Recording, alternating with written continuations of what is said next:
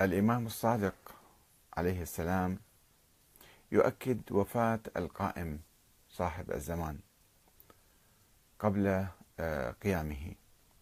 والإمام الرضا يستبعد جدا طول عمر الإمام.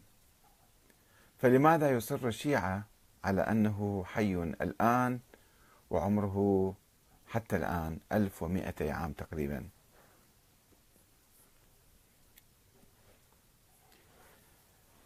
أن الخلاف بين المسلمين ليس حول الإسلام ولا بسبب الإسلام وإنما بسبب النظريات السياسية البشرية والفرضيات الظنية اللامعقولة المستنبطة من بعض الأحاديث الغامضة والضعيفة مثل حديث الثقلين أو الثقلين. أني تارك فيكم الثقلين كتاب الله وعترتي وإنهما لن يفترقا حتى يرد علي الحوض. هذا الحديث الأول. والحديث الثاني سيكون بعدي اثنا عشر أميرا كلهم من قريش ثم يكون الهرج والمرج. هذين الحديثين اللذين استنبط الشيعة الإمامية منهما نظرية الإمامة الإلهية ونسبوها إلى أئمة أهل البيت. ولا نريد أن نناقش هذه النظرية الآن. ولكن لما وصلت هذه النظرية إلى طريق مسدود بوفاة الإمام الحسن العسكري دون خلف ظاهر ولم يصرح بوجود ولد له افترض بعض شيعته وجود ولد له افتراضا بدون أي دليل.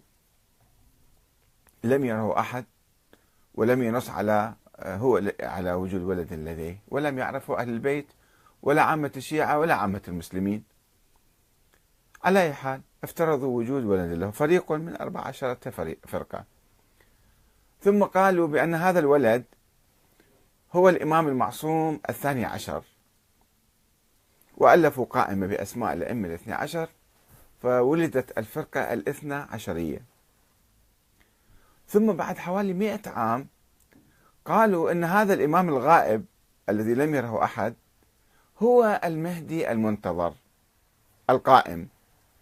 لأنه كانت هناك أحاديث من أيام الإمام موسى الكاظم أن ورواها الشيعة أن المهدي له غيبة. فهذا غائب إذا فهذا هو المهدي. يعني بصورة عكسية كانوا يفكرون. ثم توقعوا أن يخرج هذا الإمام المهدي الغائب بعد عشر سنين عشرين سنة أربعين سنة. اختلفوا كل يوم كانوا يأجلون المواعيد إلى أن قالوا لا تجاوزت المدة أكثر من مئة عام. فقالوا إنه حي لم يمت ولا يموت حتى يظهر.